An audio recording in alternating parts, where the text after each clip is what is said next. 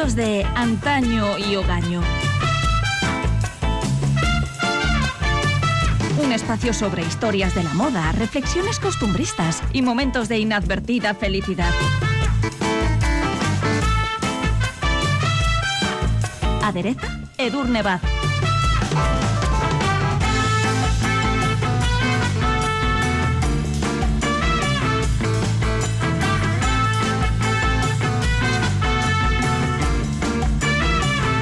Muchos celebran hoy la festividad de Halloween, un acontecimiento que en televisión suele traducirse en la emisión de icónicas películas con villanos memorables. Nos sumergimos en esta fascinante figura, la del villano de ficción, para ahondar en las razones de su innegable atractivo.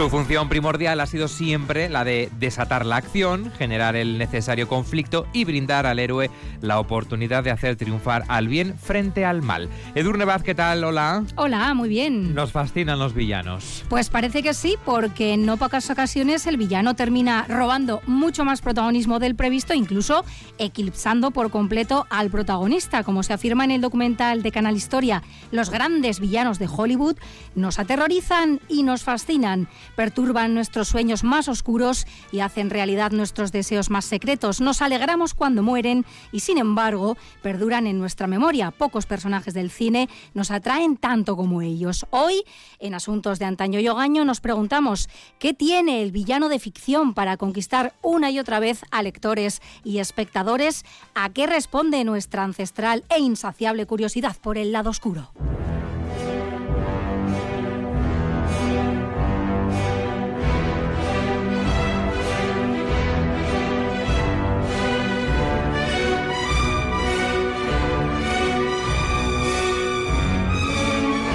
Los relatos de la tradición oral, los mitos clásicos, las historias pertenecientes al folclore popular, los cuentos, las novelas, el cine o las series de televisión cuentan en la mayoría de los casos con al menos un elemento en común, que es esa figura, la del villano, que en función de cada caso desate la acción de un propósito al héroe o sirva también para transmitir una moraleja. Sí, y está claro que la antiquísima atracción por el villano de ficción o en su defecto por el más reciente y complejo antihéroe sigue tan viva como siempre. ¿Y cuáles son, eh, Edurne, las razones por las que nos fascinan los villanos?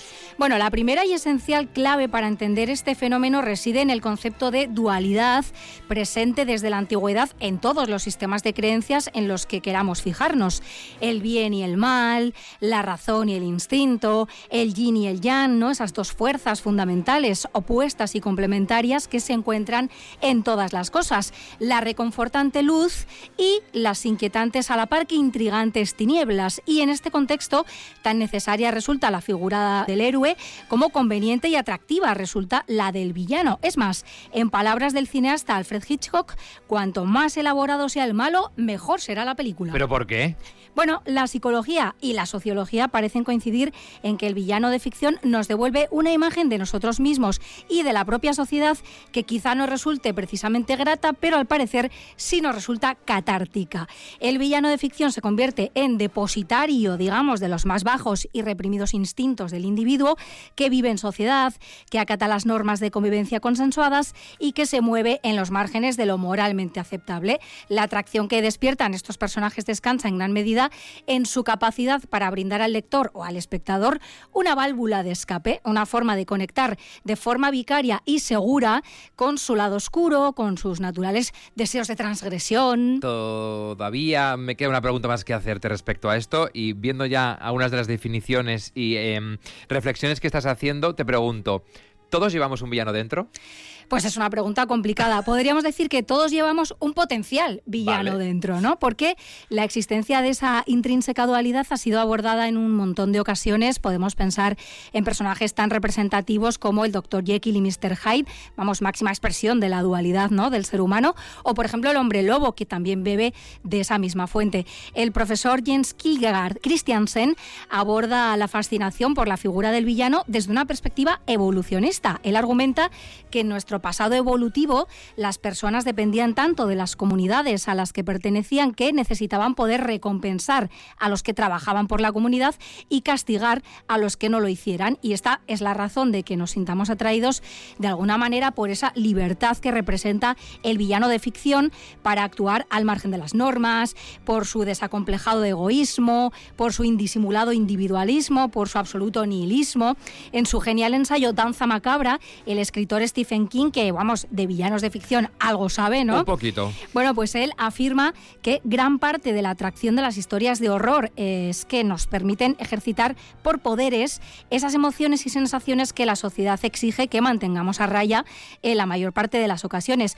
Él añade que se trata del viejo conflicto entre la mortificación y la gratificación. Esta vieja pelea, sostiene, es la piedra angular del cristianismo, pero si quiere plantearla en términos míticos, la división de Jekyll y Hyde sugiere otra dualidad, la partición entre lo apolíneo, la criatura del intelecto, moralidad, nobleza, y lo dionisíaco, el dios de la fiesta y la gratificación física, el lado, dice él, jaranero de la naturaleza humana. Eh, nuestro deleite ¿no? ante las fechorías del villano de ficción se daría pues esa enorme forma de identificación, ¿no? De algún modo estaríamos ante una versión potencialmente más oscura, pero inocua de nosotros mismos. Claro, la ficción actúa en estos casos, según los expertos, como una red de seguridad cognitiva que nos permite identificarnos con el villano de ficción sin comprometer nuestra imagen de nosotros mismos. ¿no? Es también una histórica manera de enfrentarnos a nuestros miedos o a los peligros que nos rodean en la vida real, pero sin que en este caso exista un riesgo real. En su libro Las raíces del miedo, Román Gubern afirmaba que la popularidad de este género se asienta en una gran variedad de razones que van desde el placer morboso de contemplar hechos crueles sabiendo que son pura fabulación, hasta la identificación psicológica con el agente maligno para liberar la agresividad generada por nuestras frustraciones o por el contrario, la identificación con la víctima para asistir después al placer final de la destrucción del agente malvado en el que se condensan pues todos nuestros odios y antagonismos derivados de la vida real.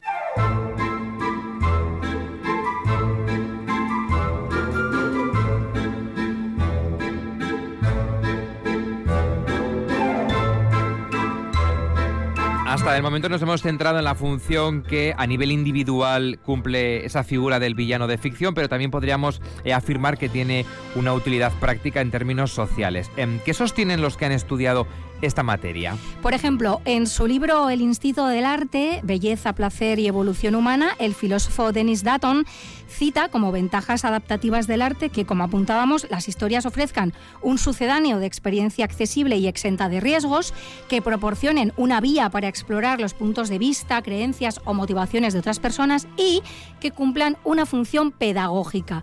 Como ya decíamos cuando abordamos en su día la figura de Drácula, el ser humano ha mostrado siempre un gran interés por contar y escuchar historias y esto las ha convertido en un valioso recurso pedagógico, incluso podríamos decir propagandístico, ¿no? Porque a través de sus historias y leyendas el ser humano no solo ha tratado de aproximarse a lo desconocido y de buscar posibles explicaciones a sus temores más atávicos, sino también de inocular en los receptores de tales historias la oportuna moraleja para evitar que hicieran algo considerado inmoral, peligroso o contrario a los intereses de quienes difundían esas historias, ¿no? La figura del villano se ha utilizado históricamente para reafirmar y mantener los valores sociales establecidos y para, a través del miedo, perpetuar el statu quo y recordarnos que si no seguimos las normas seremos apartados del grupo, ¿no? Sin embargo, en ocasiones nos descubrimos poniéndonos del lado del villano de ficción y deseando incluso que el héroe no le dé caza. y la pregunta... Esto ocurre hasta con Drácula, ¿no? Que hay momentos en los que uno se pone del lado de Drácula, ¿no? Por esa fascinación que nos supone el personaje. Por cierto, aprovecho para eh, recordar a nuestros y nuestras oyentes que pueden recurrir al capítulo que le dedicamos a Drácula eh, en Asuntos de Antaño y Ogaño. Dos concretamente. en ITV Podcast lo tienen. Decía, la gran pregunta sería, por tanto. Claro, llegados a este punto, la pregunta sería: eh, ¿cómo consiguen los villanos de ficción llevarnos a su terreno?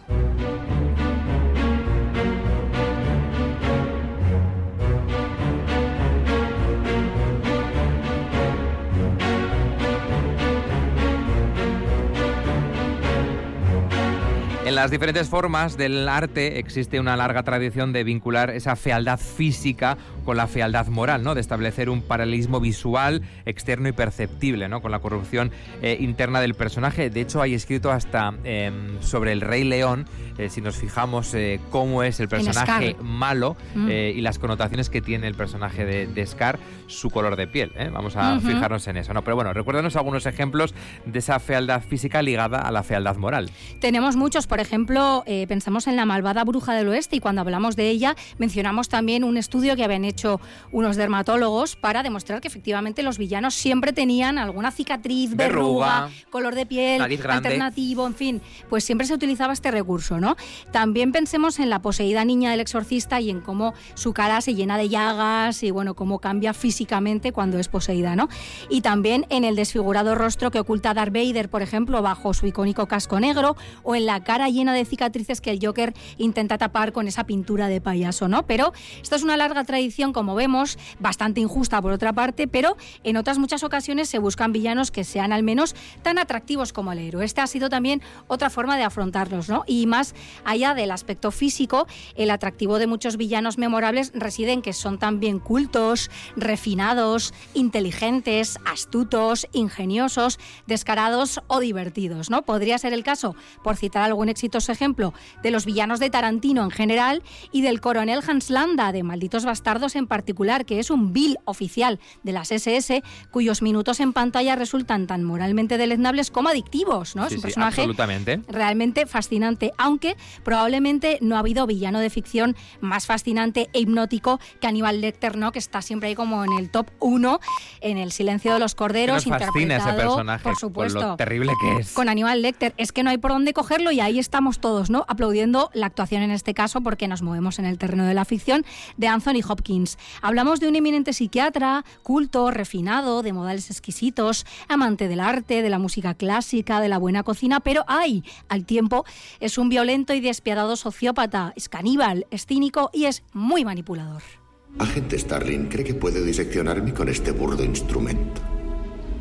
No, yo. Yo he pensado que quizás. Es muy ambiciosa, ¿verdad? ¿Sabe qué aspecto tiene con ese bolso bueno y esos zapatos baratos? Tiene aspecto de hortera. Aspecto de hortera apañada y con cierto gusto. La buena alimentación le ha proporcionado una constitución fuerte, pero solo una generación la separa del hambre. ¿No es cierto, agente Starling? Y ese cutis que quisiera disimular es el típico cutis de una campesina. ¿A qué se dedica su padre? ¿Es minero de carbón? ¿Apesta lámpara de carburo? Sé que era usted una presa fácil para los chicos. Se dejaba sobar en los asientos traseros de los coches, soñando solo con escapar de allí, con ir a donde fuera. Y así fue como llegó hasta el FBI. Adivina muchas cosas. Pero ¿será capaz de dirigir esa gran intuición hacia usted mismo? ¿Qué me contesta? ¿Por qué no se mira a sí mismo y escribe lo que ve?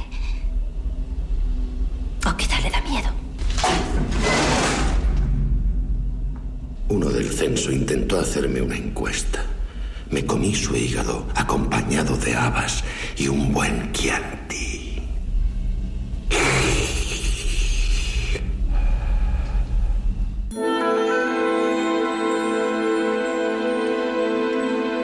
Es que Aníbal Lecter nos fascina por lo estrambótico del personaje, pero también porque es muy inteligente. Claro, es muy manipulador, es muy cínico, es tremendamente inteligente y muy culto.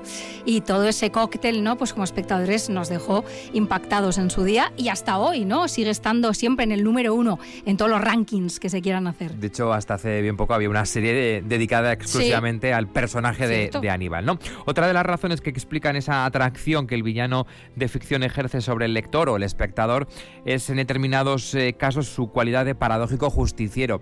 Estamos hablando de personajes que se toman la justicia por su mano. Claro, hablamos de una peculiar forma de entender la justicia con la que, no obstante, el espectador puede llegar a empatizar o incluso a simpatizar. Pensemos, por ejemplo, en el éxito de La Casa de Papel y en qué bando tienden a elegir los espectadores, ¿no? Está claro. Y en Dexter también, por ejemplo, ese analista forense de día y asesino de noche que se dedica a dar caza a los delincuentes que han conseguido burlar desafiar al sistema, ¿no?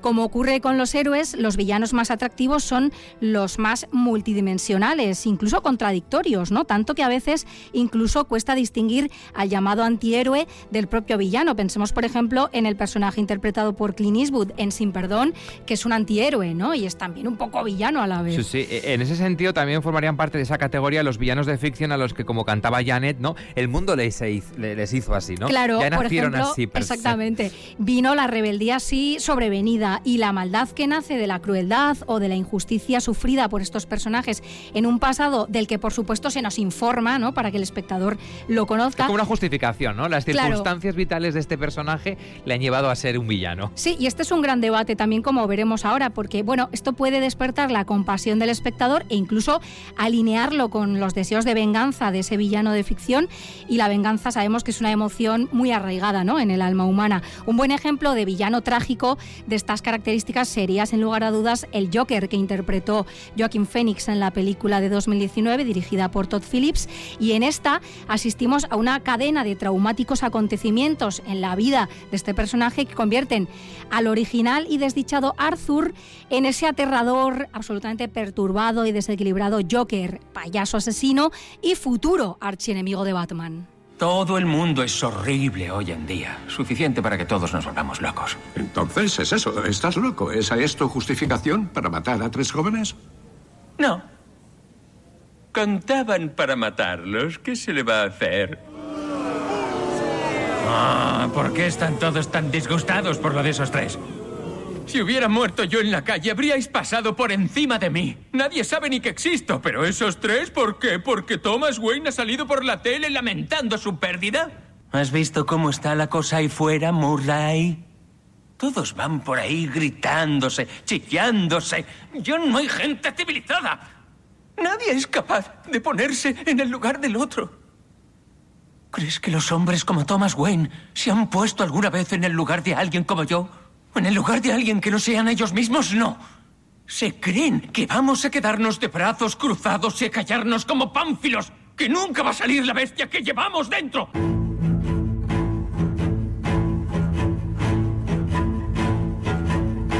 De alguna forma en Joker lo que nos hacen es exponer esas circunstancias que convierten a, o que han convertido a Arthur en, este payaso, ¿no? Tan temeroso. El origen del mal. El origen del mal, ¿no? De hecho, que se buscara una explicación a la maldad de Joker es algo que no gustó a los detractores de esta película, ¿no? Que defienden que a veces, pues eso, la maldad es pura maldad, no hay ninguna explicación detrás. Exacto, no, no les gustó que se intentara justificar, oye, el Joker es un villano porque es un ser maligno, ¿no?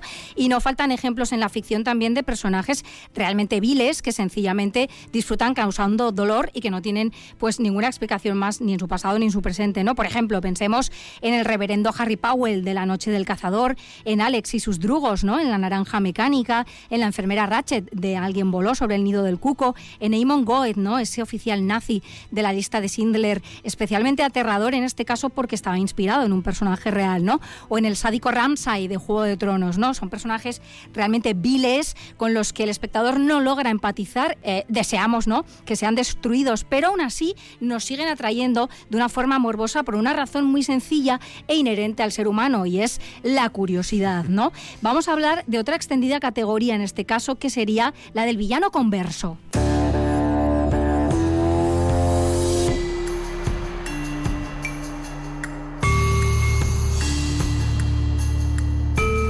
Por villanos conversos nos referimos, Edurne, a personajes ¿no? que se transforman ante nuestros ojos, ¿no? Es el caso, por ejemplo, de, de, Joker, ¿no? Que vemos cómo va evolucionando y cómo se convierte en el mal. Incluso Darth Vader, ¿no? También porque acaba convirtiéndose... Pasándose al lado oscuro. Eh, en lo que es. Bueno, podemos pensar en series como The Walking Dead, por ejemplo, que nos muestran a personas, digamos, normales enfrentándose a situaciones anormales, en este caso, una pandemia zombie, ¿no?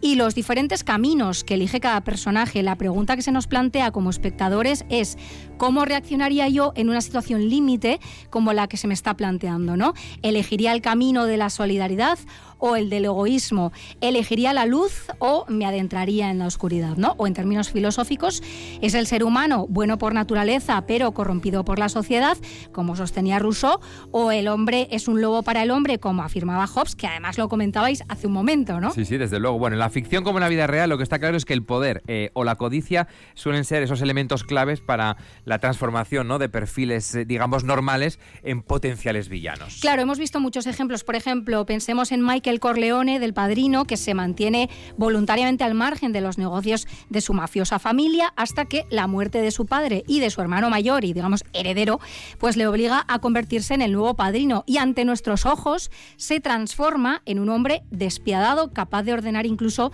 el asesinato de su hermano pequeño, ¿no? Pensemos en Daenerys Targaryen de Juego de Tronos, que es otro ejemplo memorable de conversión, ¿no?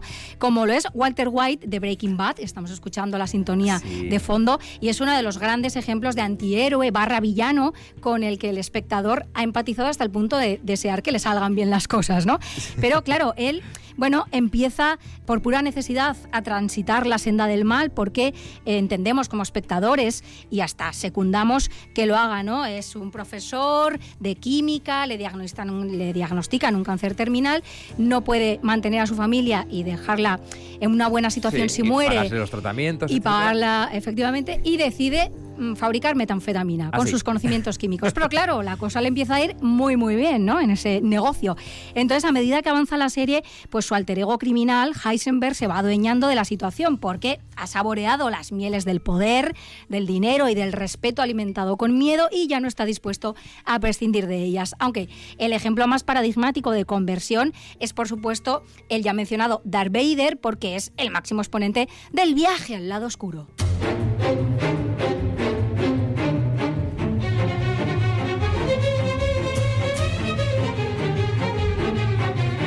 Y existe también em, una categoría de villano de ficción que desde el origen de los tiempos ha servido a la humanidad para primero etiquetar y después tratar de exorcizar los temores colectivos de cada momento. Podríamos bautizarlo así como villanos instrumentales. Eh, ¿Quiénes son? ¿Quiénes estarían en esa categoría? Bueno, son una representación visual de la gran mayoría de temores ancestrales y pueden adoptar cualquier forma, desde la humana hasta la animal, pasando por todas las monstruosas combinaciones imaginables de ambos. ¿No? O sea, podemos pensar, por ejemplo, en el villano de ficción que se ha encarnado de forma sistemática como el atávico miedo del intruso destructor, ya fuera, según el momento histórico, alemán, japonés, ruso, árabe, extraterrestre, un tiburón, lo que fuera, ¿no?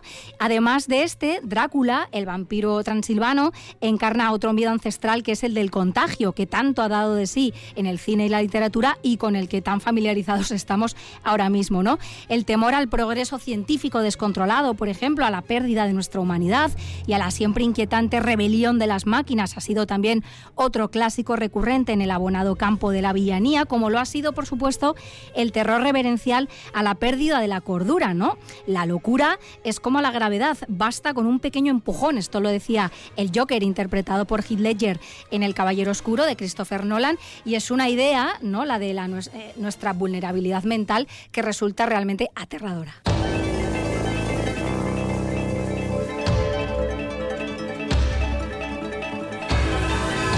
Como estamos observando hoy en Asuntos de Antaño y Ogaño, hablando sobre la fascinación que sentimos eh, hacia algunos eh, villanos, estamos viendo que, bueno, despiertan en nosotros, bueno, pues muchos sentimientos y da mucho de sí, ¿eh? Hablar de este tema. Da muchísimo de sí y hoy no tenemos tiempo para más, pero en el próximo episodio nos vamos a centrar en una categoría muy concreta de villano de ficción. Vamos a hablar de la mujer fatal, la femme fatal, de cómo ha sido representada en las diferentes manifestaciones artísticas y de cómo ha recibido un trato sustancialmente diferente al del resto de villanos. Esto será en el próximo episodio. Pero hoy no podemos despedirnos sin hablar del villano entre los villanos, ¿no? El villano primigenio, el que los engloba a todos, el ángel caído por antonomasia, el mismísimo Satanás. Nos vamos a quedar con una de sus múltiples encarnaciones, un histriónico Al Pacino en la inolvidable escena de pactar con el diablo, declarándose con gran cinismo un humanista y diciendo, eso sí, una gran verdad, que el siglo XX fue enteramente suyo. A Dios le gusta observar. Es un bromista. Piénsalo. Dota al hombre de instintos. os da esta extraordinaria virtud y que hace luego los utiliza para pasárselo en grande, para reírse de vosotros al ver cómo quebrantáis las reglas. Él dispone las reglas y el tablero, y es un auténtico tramposo. Mira, pero no toques. Toca, pero no pruebes. Prueba, pero no saborees. ¡Es un sádico! Es el peor casero del mundo. ¿Y adoráis eso? Nunca. He alimentado todas las sensaciones que el hombre ha querido experimentar. Siempre me he ocupado de lo que quería y nunca le he juzgado. ¿Por qué? Porque nunca le he rechazado. A pesar de todas sus imperfecciones, soy un devoto del hombre. Soy un humanista. ¿Quién en su sano juicio, Kevin, podría atreverse a negar que el siglo XX ha sido mío por completo?